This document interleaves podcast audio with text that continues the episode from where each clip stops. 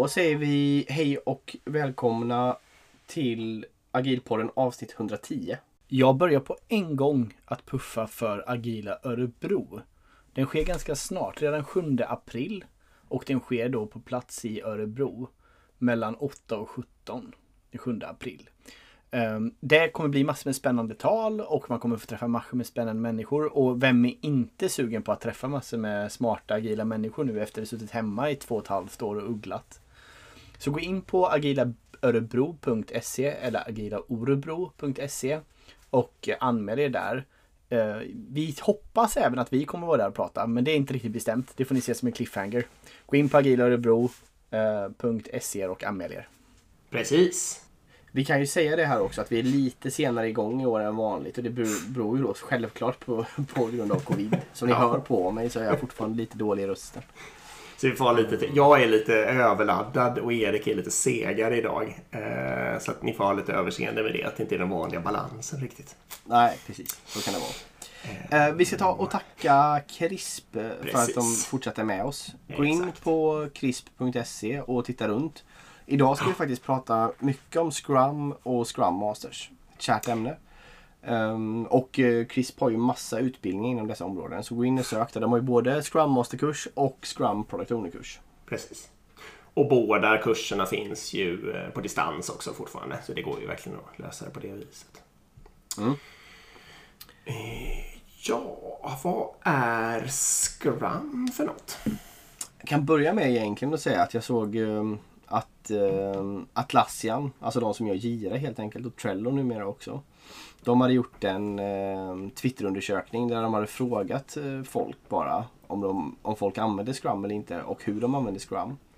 Och då var 92% svarade att de använde Scrum men inte som det är definierat by the book utan custom. det här har många namn. Ofta när, man, när jag frågar team, ja, använder ni Scrum eller inte? Då är det Scrum-ish har jag hört. Det är en vanlig. Sen finns det även Scrum Ban, alltså någon form av Kanban, Scrum ja. variant liksom. Och det är väldigt få team jag ser som kör klassisk Scrum.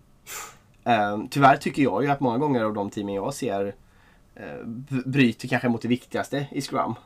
Men ja. det kan vi ta det kan vi ta senare. Vi kommer komma in på det. För det kan, ja. Precis, vi kommer komma in på om Scrum har en plats eller inte och vad den i så fall är och sånt där. Ja. Eh, nej men verkligen. Jag tror att jag ändå som är sån eh, ordnings... Eller sån, jag vet inte vad jag är för något. En sån människa helt enkelt. Jag vill nog ändå säga att ordet Scrum kommer från rugby. Och det är en metod för att starta om spelet. Eh, lite olika, tror jag, olika rugbyregler. Men till exempel förekommer det då om bollen har åkt ut eller om någon oavsiktligt har gjort något regelfel. Eh, då ska tydligen inte de andra ha bollen så att säga rakt av utan eh, då börjar man, och då börjar man i en sån här hög liksom.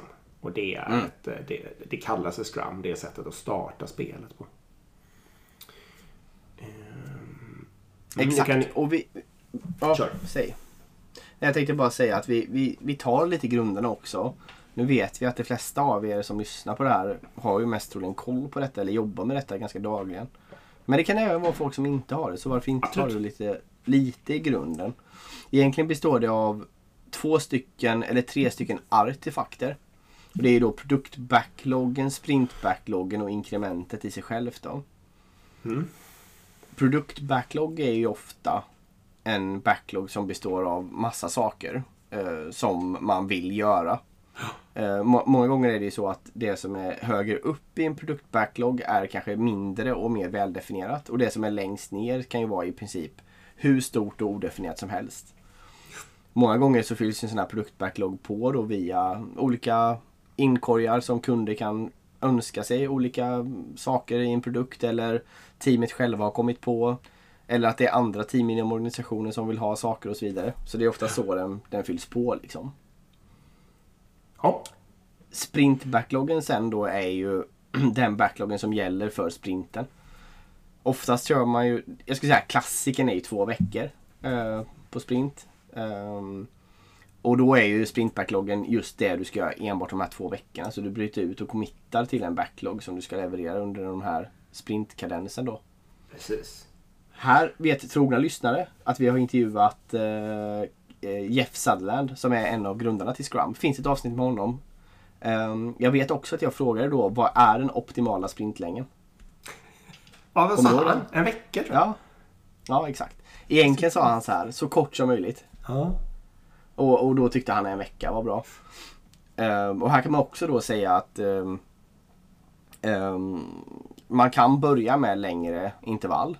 För det kan vara lättare, för i början så tar de här mötena ganska lång tid och så. Men om man på sikt inte lyckas sänka sin sprint i tid. Då är någonting fel.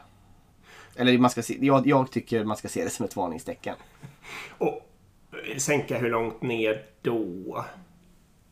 Två veckor borde man min det, det, ja, det, ska, det ska man inom en ganska snabb tid klara. Ja, då är vi överens. Men för att sen under två veckor då är det ju ändå väldigt beroende på vilket system man verkar i och vad man har för beroenden och alltså ens, hela ens organisation och hela ens eh, liksom, kringgrejerna spelar väldigt stor roll när man ska under två veckor. Och har ja. man dåliga sådana kringförutsättningar så kan det vara lite kämpigt att ta sig ner under det. Sen, jag kan säga absolut. Sen alla team jag har jobbat i, eh, eller ansvarat för, eh, har alltid slutat på en vecka. Så det är också en prioritetsfråga.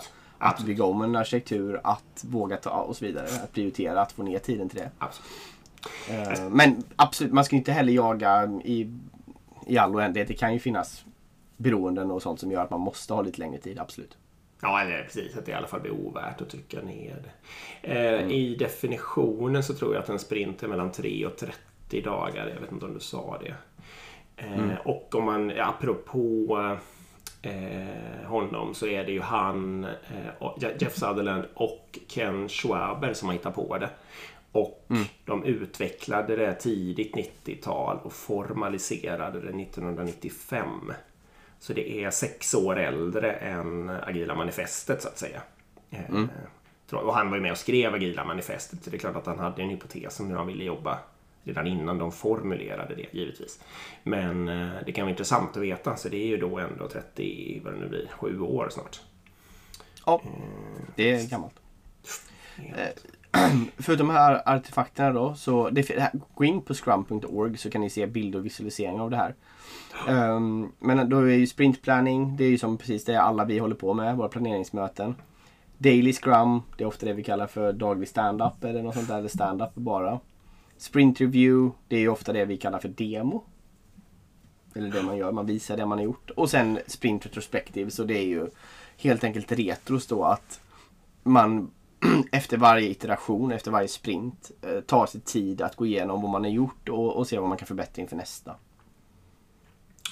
Visst är, kallas inte de för ceremonier de du sa nu? Jo, exakt. Ja, precis. Och eh, artefakterna är väl... Nej, de också... Nej, artefakterna är det vi pratade om först. Backloggen och inkrementet. Och sprintbackloggen, precis. Produktbackloggen, sprintbackloggen, inkrementet är artefakterna och de andra sakerna är um, ceremonier. Exakt. Um, vad mer jag ska säga? Nej, det kanske inte. Ska vi gå igenom dem lite en efter en? Eller räckte det där? Eller? Nej, men det kan vi göra. Sprintplanning eh, tycker jag ju oftast är eh, felet att man håller på alldeles för länge med den. Den är ofta för, för lång liksom. Och speciellt, det här är ju också ett problem då att om man har längre än en vecka eller två, tre veckors sprint då blir ju den liksom väldigt mastig om man ska gå igenom allting. Ehm, du ska liksom bryta ner alla saker, du ska få alla att förstå, du ska kanske köra någon form av estimering, nedbrytning, commitment och så vidare. Det, det blir en lång, ett långt möte. Men, men det är ju egentligen bara ett rent och skärt planeringsmöte att titta på vad, vad, hur ska vi nu populera vår sprint backlog och med vad ska vi populera vår sprint backlog. Ja, vad ska vi ta härnäst? Eh, själva Day... Day, Daily, ja. Daily Scrum. Mm. Max 15 minuter. Mm. Används för att kolla eh, hur det går för alla människor. Eh, och för att ta upp alla former av problem som man hamnat i. Va? Ja, precis. Det är egentligen till för att lyfta um, om, det, om det finns några problem och om någonting behöver koordineras. Det är ett taktiskt möte liksom för att kunna planera dagen och, och snabbt kunna bara okej, okay, igår gjorde vi det här, nu ska vi göra det här, vad finns det för problem och så vidare. Just det. Man, ehm. man, använder de här tre frågorna. Vad har jag gjort sen igår? Vad ska jag åstadkomma till imorgon? Och vad hindrar mig? Exakt. Men jag, jag är skeptisk till att man ska göra in längden. Men det kan vara bra sätt att börja. Mm. Nu pratar vi Scrum by the book här. Ja, vi gör ju det. Vi ska gå över sen på vad man ska göra. Vad vi tycker. vad vi tycker. Oh. Ja. Och sen sprint, sprint review, det är som det låter. Det är bara en demo. Man, man, visar vad man gjort för de stakeholdersna och så vidare. Man, man visar helt enkelt vad man har gjort. Vad är outcomen liksom? Precis. Och sen sprint retrospektiv är att fundera på hur ska vi kunna göra ett bättre arbetssätt som gör så att det funkar bättre nästa gång. Och ett antal saker väljs ut och så ser man till att fixa dem i nästa sprint. Då. Och en sån här ja. sak som ofta vi tjatar om är ju välj allt, se alltid till att de är tillräckligt små för att du ska orka med dem i nästa sprint och välj åtminstone en och se verkligen till att göra den istället för att hålla på och gapa ja. efter för mycket och krångla till det. Liksom. Precis, hitta en och genomföra den.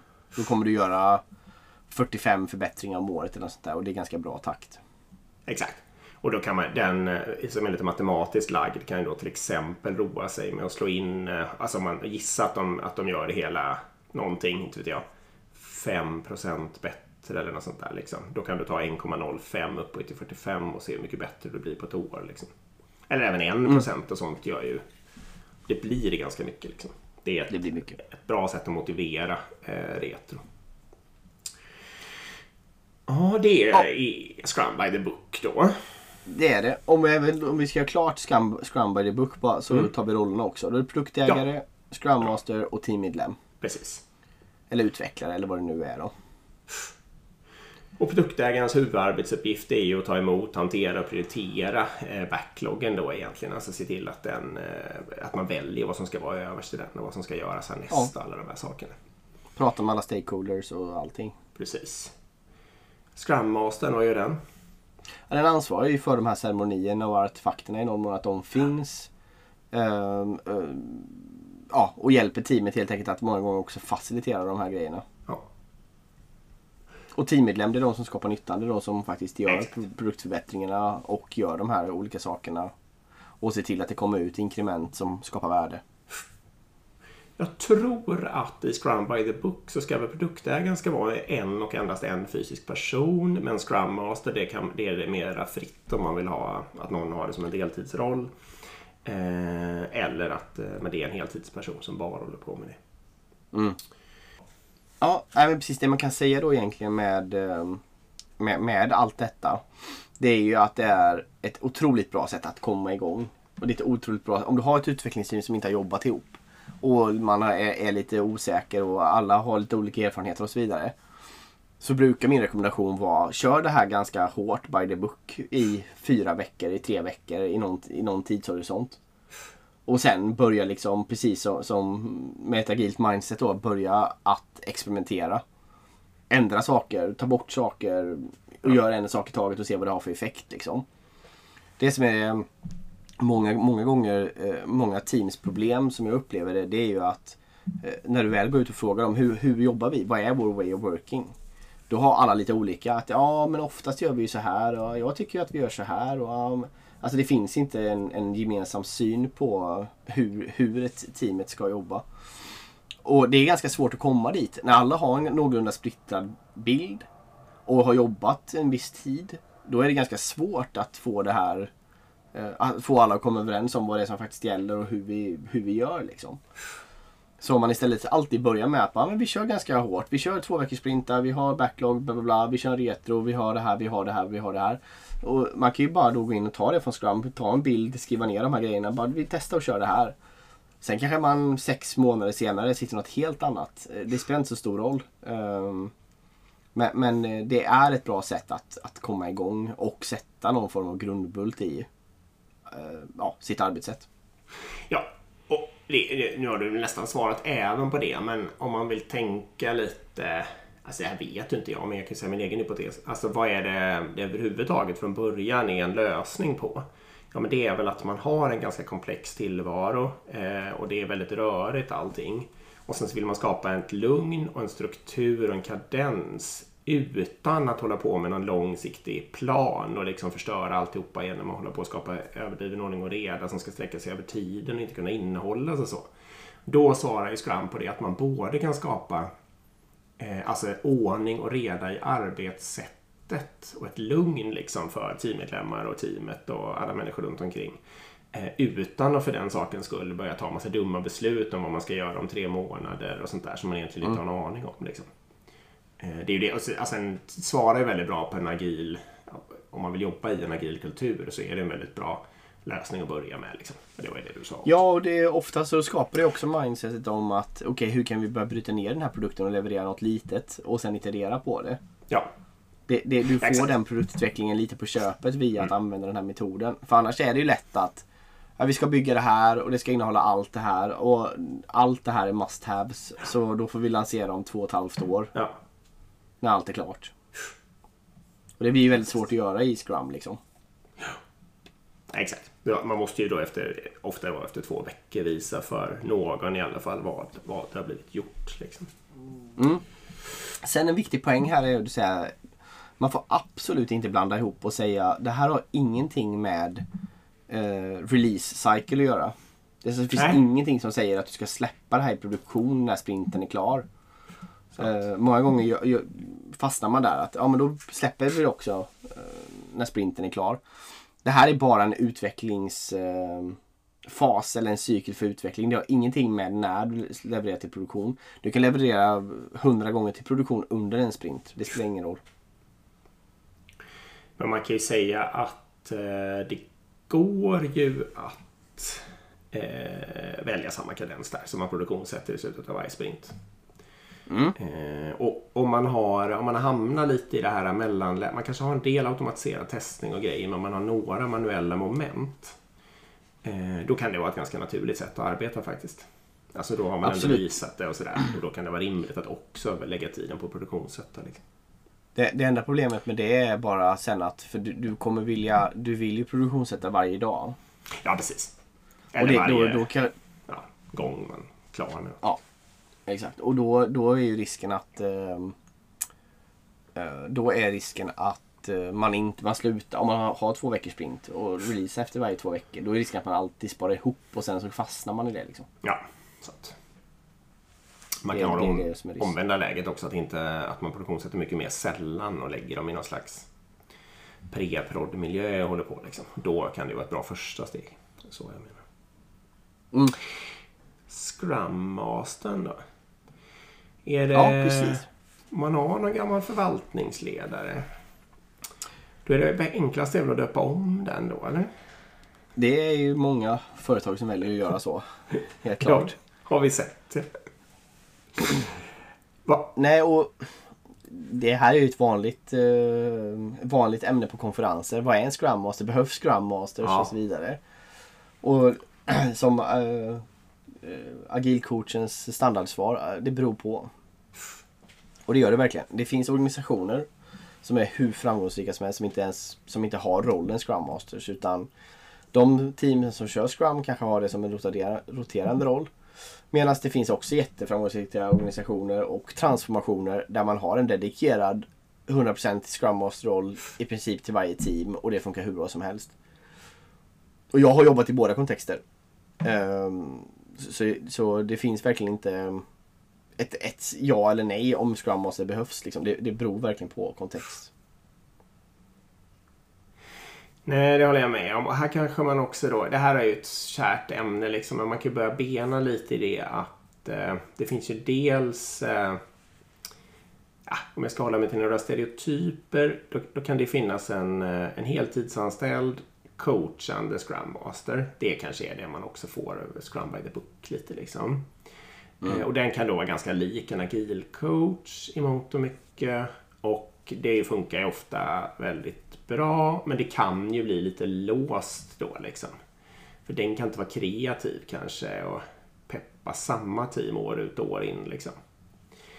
Eh, sen finns det kanske caset att man eh, har en mera teknisk, eh, alltså att någon av utvecklarna är Scrum Master lite på deltid.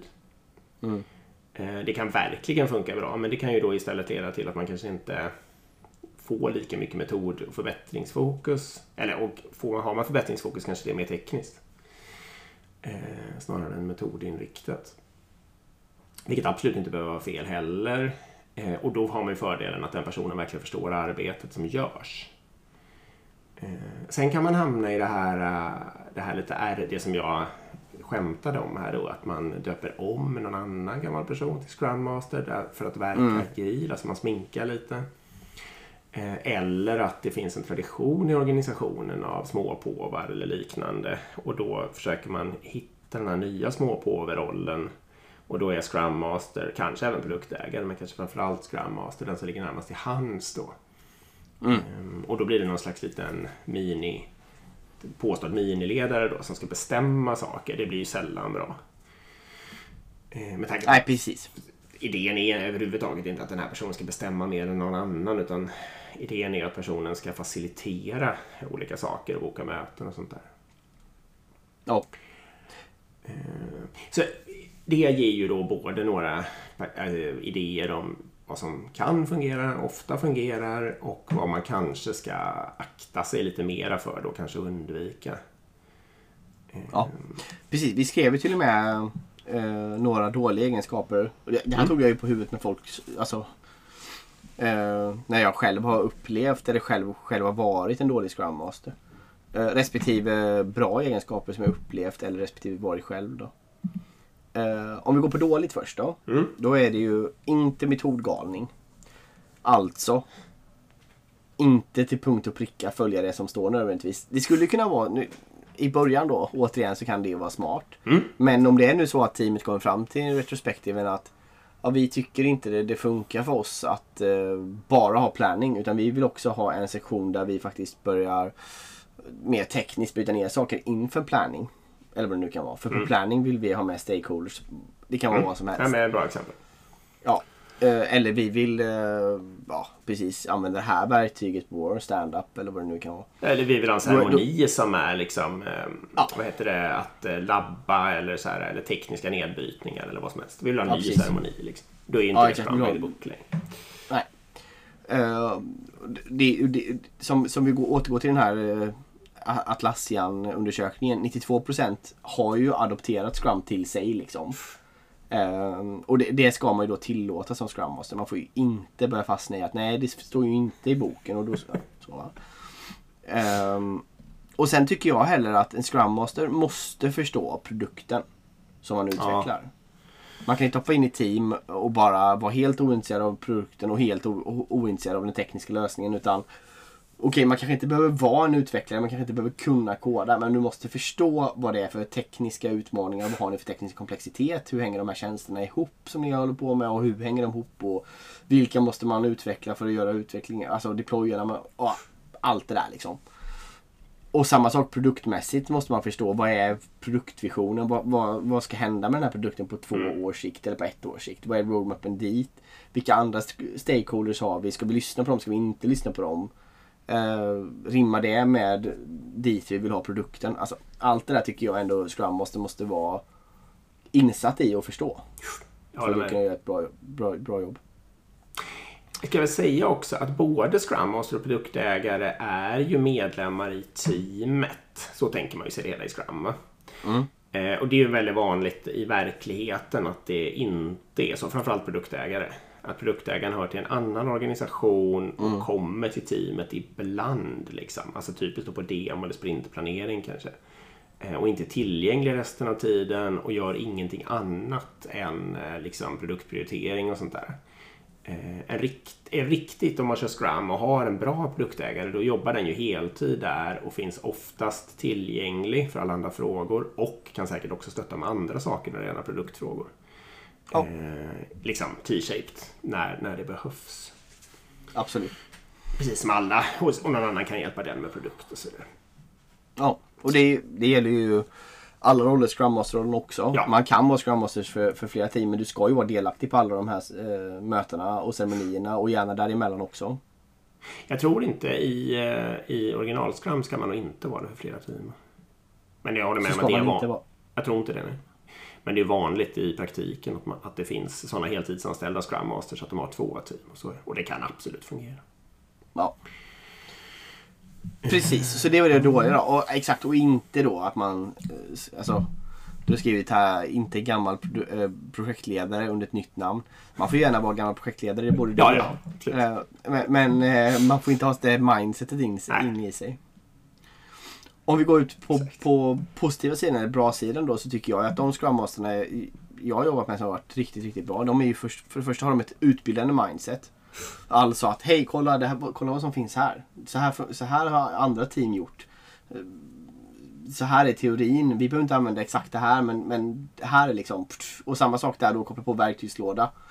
Visa liksom att kolla här finns olika saker vi kan använda för att visualisera vår eh, liksom, velocitet eller mm. vår produkt eller vår backlog. Vi kanske ska ha den på en stor vägg liksom. Vi kanske ska ha de olika stora boxarna eller vad det nu är liksom. Att komma in och bara egentligen ge teamet möjlighet att kolla här finns massor med saker. Vad vill ni använda? Vad vill ni testa först? Liksom. Mer så som en lite mer säljande approach snarare än att komma in som att hej nu är det jag som bestämmer och nu kör vi. Det är teamet som måste äga arbetsprocessen hur vi ska jobba. Och det är teamet som måste komma överens om hur vi gör och och, och vad vi ändrar på. Det kan man inte som eh, Scrum Master sitta utanför och, och bara Ja, nu har jag bestämt att nästa vecka så ska vi göra så här. Eh, utan man måste liksom få med sig hela teamet och, och driva förbättringarna med hela teamet. Um, ja precis, vad, vad, tycker du mer än bra Scrum Master ska göra? Nej, jag håller med dig och ofta så gränsar det ju då duktiga Scrum Master gränsar till agil coach och om man har lämnat det här Scrum by the book så kan man mycket väl sätta upp sin organisation så att man kanske jobbar med ett fåtal agilcoacher. Och så kanske de i praktiken går in och scrummastrar eh, nya team eller team som har problem eller liknande. Eh, eller coacher, kalla det vad du vill. Och sen mm. kanske man eh, Eh, alltså, annars kanske vi inte ens har någon Scrum Master eller att det är en roterande roll om man nu kör ganska mycket Scrum eller Scrum-ish så kanske rollen mm. roterar på, på utvecklarna. Liksom. Eh, så det, det är absolut Precis. bra lösningar. Så äh, tycker jag, det är min erfarenhet att det är det bästa att äh, att den som är tekniskt, alltså, äh, att produktägaren, utvecklarna i teamet, gärna chefen också då, roterar på um, Scrum Master-rollen. Ja. Om man nu, eller vad man nu kallar det. Men facilitatorshatten att facilitera planering, facilitera retrospektiv. Dela skärm under stand-up kanske om det behövs. Uh, om inte det bara sker, uh, vem som helst gör det liksom. Um, då tycker jag man ska göra så. Och så roterar man det bara på någon karens veckovis, varannan vecka, vad som helst. Um, och så ser man till att den hatten rullar runt bara. Det är bra. Precis. Det är väldigt Ja, det är oftast så det blir. Vi pratar om att det är väldigt bra i början med dedikera Scrum Master och följa Scrum by the book. Men min erfarenhet är att med, när tiden går så blir det ofta med att man kan släppa på det mer och mer. Scrum Master kan ta ett kliv tillbaka och processen sitter och saker funkar ändå. Liksom och, och så. Vad tycker du är den största nackdelen med Scrum? Ja, det var en bra fråga. Ja, ja, jag har lite hypoteser själv om du vill tänka lite. Ja, men börjar du. Jag tror att den största nackdelarna kretsar... Det är ändå liksom... Om man ska våga ta det här ordet i min mun, men det är ju någon form av administration liksom. Mm.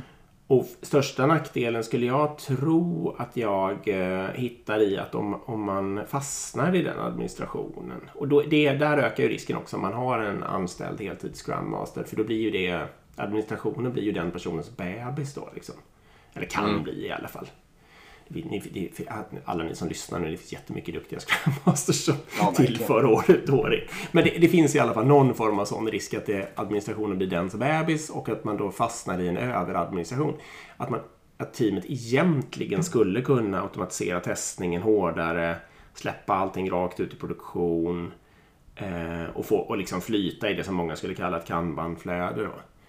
Eh, och, och egentligen inte har så mycket att tjäna på den här sprintplanen. De har kanske en kadens eller en velocity, en hastighet som, som är hög och ökar. Och man behöver, behöver inte nödvändigtvis mäta det på till exempel de här två veckors cyklerna bara för att kolla att, att den är jämn och sånt där. Det gör man ju väldigt ofta på omogna team. Försöker hitta en jämn velocity och så. Mm. Um, så det tror jag kanske är de största nackdelarna, fastna risken på något sätt.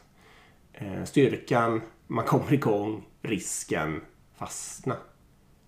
Eller mm. ja, nackdelen. Ja men visst absolut, det lägger ju en del administrativ tid, tid på teamet. Det gör det. Um, det, det som jag ser som... Det är egentligen är, det är som med mycket annat. Det är inte själva processen i sig nödvändigtvis som är som är, är det sämsta. Utan det är hur det appliceras. Och, och det jag ja. ser många gånger med Scrum är att man applicerar det, man använder det fel. Man, man kör en veckors eller två veckors sprintar. Men man levererar bara 40% av det man committar. Och sen så är det sjukt mycket handovers till nästa iteration. Så varje sprintplanning börjar med Jaha, vad är det vi hade kvar från förra sprinten nu då? Ja. ja just det, vi har de här sju sakerna som är halvgjorda och halvstora. Ja, okej, då tar vi in de sju sakerna. Ja, då har vi inte plats för så mycket annat. Nej, just det. Nej, just det. Men vi måste ha in nya saker, säger ja. produktägaren. Och ja, tar de in sju saker till. Och sen så pågår det här i evig tid. Uh, och det är... Det, det är vi vill ju överkommitta, men människor vill ju leverera jo. mer än vad vi... Nej. Och vi, och, vi, och vi är skitkassa på att estimera hur mycket vi kan... Hur vi kan göra långsiktigt. Eller hur, kortsiktigt är vi skitdåliga på att estimera hur mycket vi kan göra. Ja. Uh, vi, vi, vi, gör fel liksom. Uh, vi tar alltid för mycket. Och det här fastnar, många, många team fastnar i det här. Och det skapar eh, då kan man tänka, det kanske inte är hela världen liksom. Jo men det som är problemet är att man lyckas aldrig som team riktigt. Utan man ligger alltid efter. Ja. Och man har hela tiden en känsla av att fan vad vi dåliga vi är. Vi ja. levererar ju aldrig det vi säger utan vi håller hela tiden på och bara skjuter, skjuter, skjuter, skjuter. Och 90% ska jag säga av alla team som kör Scrum sitter i den här situationen. Och det är ju otroligt demotiverande. Det är ju kanske den absolut största faran med det. Ja. Får jag fortsätta lite på den bara också? Ja. För, att, för det, jag håller helt med dig. Eh, och då brukar det gå till så här, eller det här är i alla fall min erfarenhet, att eh, någon, kanske produktägaren, men kanske någon också utanför, har, det finns något gammalt tänkt projekt där och spökar. Liksom. Man har tänkt att man ska bli klar med något, något innehåll till något datum. Och så har ändå den där män någon människa har dividerat den här innehållsmängden. Man kan räkna story points eller någon slags items eller vad det nu är för någonting. Eh, och så konstaterat att då skulle man behöva göra ett, liksom 200 items i varje sprint. Hur man nu räknar. Och då eh, luras människor då in i att sätta, säga att vår velocity är 200. Mm. På något konstigt sätt. Eh, trots att man kanske aldrig har klarat 200. Det kan också vara lite baklänges inräknat om timmar. Att det finns någon sån där, eh, alltså valutan är från början skapad i timmar och så har någon baklänges räknat att då blir det ju mm. 200 sådana här poäng liksom för att, för att så många timmar finns. Och, så eh, och sen blir det exakt som du säger. Man klarar 40, man klarar 70, man klarar 55. Eh, och det är jättelångt ifrån. Vi trycker in allt restinnehållet och försöker ta lite nya. Så nästa gång försöker mm. vi med 220. Jaha, vi klarade bara 52. Och så håller det på så här liksom. Och alltså våran, jag tror det är våran, i alla fall min då, absoluta rekommendation här är ju då att våga säga nej. Hastigheten här är 50. med de siffrorna jag just nämnde kanske man skulle bestämma 50 mm. eller 55 eller något sånt där. Liksom något medelvärde vad man lyckats med på riktigt. Mm. Och då ska man komma ihåg att folk är sjuka, det är problem, man gör fel och misstag, man liksom gör tekniska feluppskattningar, integrationerna är besvärliga. Så kommer det fortsätta vara. Liksom. Alla de där spe typiska specialanledningarna till att man misslyckades just den sprinten. Det kommer mm. finnas nya sådana. Eh, och så sätter man en velocity då istället på kanske 55 per sprint. Och, så ser man, och, och då brukar man kunna få alla människor att tok-engagera sig för att klara det. För om man då märker att nu håller vi på att hamna på 43, då är det ju helt plötsligt lite, lite kul att se om man inte kan klämma de sista sju med lite övertid och whatnot. Ja. Liksom. Eh, och så kommer man upp i 50 och så, och så har man en success och så firar man den. Eh, ja. Och sen så kan man ju köra några sådana sprintar då. Alltså så man känner att det sitter. Och sen kan man ju börja tänka vad, vad, vad har vi för retrogrejer här som på riktigt gör att vi borde bli snabbare. Och så kan man försöka öka velocity. Liksom. Om, om man gör det här du säger nu så kommer man få sån djävulsk ja, energi. Exakt. Det är helt sjukt vad ting flyger av detta. Och sen kommer det ju då vara det där saken som krävde att man gjorde 200. Eh, den kommer ju inte bli, alltså det kommer inte bli så, allt innehållet kommer inte bli klart i datumet. Men det fanns ju aldrig någon chans från första början heller. Det var ju bara en utopi. Men däremot så kommer man ju känna att man får in ganska mycket innehåll. Man demonstrerar ganska mycket värde liksom för produktägare och andra, för användare och vad det nu är. Eh, och man får en positiv stämning och alla människor runt omkring blir liksom imponerade och känner här blir det ju något gjort. Liksom. Så det ska man ja, och, verkligen tänka på. Och grejen är också att eh, jag, jag, jag har gjort det här eh, några gånger och jag har alltid mätt resultatet. Och teamet levererar, e- efter att ha gjort det här några veckor, teamet kommer leverera dubbelt så mycket som innan. För det kommer finnas ja. en energi och glöd och bara nu bryter Exakt. vi ner saker, nu kör vi, nu sätter vi allting. Och så det, det är bara positivitet. Och det som också är väldigt bra är att det som händer är att vad som händer är att när, när du faktiskt levererar det du committar till, även om det är mycket, mycket mindre än vad du vanligtvis committar till, så kommer teamhälsan öka. Om du, börjar om du mäter hur teamet mår så kommer den börja öka automatiskt med. Så fort accuracyn mellan delivery och, um, och planned delivery eller commitment så fort den börjar bli bra, då kommer teamhälsan sticka och det kommer ha en påverkan på uh, leveranserna. Ja, Ja, precis. Och sen kommer man ju då, som du säger, troligtvis kommer man ju ganska raskt upp i kanske 100 då, i, om vi fortsätter mitt påhittade exempel. Mm. Eh, och gör helt plötsligt ungefär dubbelt så mycket då som från början. Liksom, per. Ja, det blir det. Och ni har kul. Och ni kan fira. Ja. En annan sån här äh, felaktig sak jag ser också det är ju nästan bara chefer som föreslår men det är ju, ska vi inte synka alla ja. sprintar? Ja, bra. ja, och alla de här, de här poängen eller item, alltså hastighetsvalutan eh, ska synkas också. Ja. det är ju en klassiker. Ja. Så att om ett team har hittat på en valuta, vi fortsätter på mitt team, Dicks team. Eh, då har ju de en valuta där de klarar ungefär 50 då från början. Eh, och så har något annat team som är ungefär lika många de har någon helt annan valuta där de klarar 120. Och då kommer det komma någon chef och säga att de ska, varför klarar inte ni också 120? Eh, och inte alls kunna förstå det att det är olika valutor eller be att de ändrar sin valuta och sen då på något vis tävlar eller jämförs med varandra och så vidare. Och det är ju mm. så otroligt dumt och skapar så mycket oreda och frustration och onödig energi så att undvik det för allt i världen. Ja, ja, ja. Alltså alla sådana här interna team metrics, håll dem för er själva bara. Visa dem aldrig för någon. Det finns ingen anledning att någon ska se det. Det är bara för er själva och ingen annan.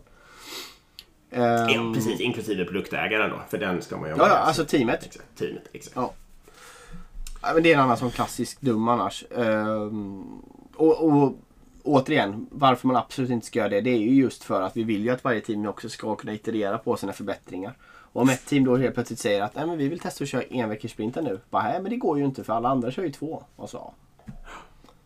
Man, den autonomin måste man ha. Att teamen bestämmer ju helt och hållet själva hur de jobbar. Det finns ingen som får lägga sig i det. Och så fort man börjar streamlina sånt så lägger du dig i det. Och då är man fel ute. Ja. Och jag vet en annan sån eh, klassiker och den går så här att eh, man jobbar med någon slags story point, alltså en, en lokal valuta. Eh, och så har man ett item som är 20 story points. Men sen är det någon som i alla fall, sen så är det, görs det där inte riktigt Liksom, det, det, är någon, det läggs ändå på individer i teamet som jobbar självständigt sen. Och sen så heter det att om man det läggs på en junior individ då, då klarar inte, då hinner inte den i tid då på de här två dagarna eller vad de här 20 poängen ska ta. Liksom. Ja. Eh, och då börjar man prata att man måste sätta olika mycket story points beroende på vilken individ det ska läggas på och så vidare. Och, så vidare. och alltså så ja. fort ni närmar bara säg nej till allt sånt här. Det är teamets totala leverans per sprint som ni ska mäta upp. Liksom. Och sen får teamet själva skyffla ut de där arbetsuppgifterna, hjälpa varandra, stötta varandra, seniora hjälper juniora eh, åt något. Och det är liksom arbetsuppgiftens svårighetsgrad ni mäter. Och om någon tar lite längre tid på sig och någon annan gör någonting lite fortare så är det fine. Ingen annan ska lägga sig i det utanför teamet utan teamet ska bara själva bestämma liksom vem eller vilka gör vad när. Eh, och absolut inte sitta och ändra story points på, på, på ett visst arbete. Liksom. Nej, ja, det fick jag Nej verkligen. det också. Ja. Oh. Alright. Nej, men vi kanske ska runda där på... Ja, jag måste fråga en sak till. Ja. Vilka ceremonier behåller du längst om du är på väg bort från Scrum? Retron, helt klart. Um... Jag har och två. Daily Stand-Up. Ja. Ja, Nej, alltså grejen är att jag, jag älskar demos. Demos är, tycker jag är ett av de ja, mest powerfulla okay. mötena som finns också. Så. Ja, det är sant. Eh, men, men planering går att leva utan. Ja, absolut. Och eh, alla de eh, precis, grejerna går ju det är ju, Daily är ju ett magiskt möte. Det vill jag alltid ha i alla team som jag försöker få att funka som team. Liksom. Mm. Eh, demo är ju en skitsmart grej för att det skapar ett lugn kring en i organisationen. Och retro eh, tycker jag är det behöver man ju absolut göra för att man vill bli bättre. Det måste dock inte vara ett möte. Det skulle, man skulle kunna klämma in det på daily eller liksom lösa på något annat vis. Men de tre Fem minuter i slutet av dagen och så vidare. Ja. Mm, kör daglig. Exakt. Men de tre sakerna ska man ju eh, ta med sig från Scrum tycker jag vad man än gör resten av sitt liv. Om det är något intellektuellt utmanande och komplext. Ja, eh, verkligen. jag håller med. Se till att ha på något sätt liksom. Eh, nu får du runda. Ja, nej, jag håller med. Det, det är en väldigt bra poäng. Um, jag, mm. Avslutningsvis kan jag ju säga det bara att jag har mer och mer genom åren börjat använda något form av Kanban-baserat arbetssätt ja. uh, istället för Scrum. Um, där man behåller de här, vissa av de här artefakterna som du säger som retrospectives och dailies. Um, men just att skippa planningen sparar mycket tid. Speciellt om ett team som är ganska sammansvetsat. sammansvetsat.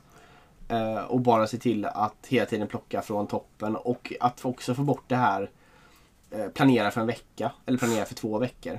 Uh, att få bort hela det mindsetet och istället ja. bara hur kan vi hela tiden få ut värde ja, så snabbt som möjligt. Vad är viktigast nu liksom? Ja, det finns, eh, det finns en härlig grej i det och sanningen är ju också liksom att det dyker ju alltid upp saker hela tiden. Eh, och i Scrum är det ganska lurigt hur man ska hantera det.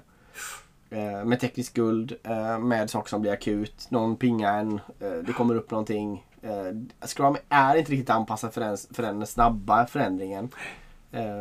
Utan då är det mer att du ska låsa ditt scoop i en eller två veckor och sen får andra saker vänta. Liksom. Eller så får man bryta sprint och allt det där. Men, mm. Okej. Okay. Det var allt för idag.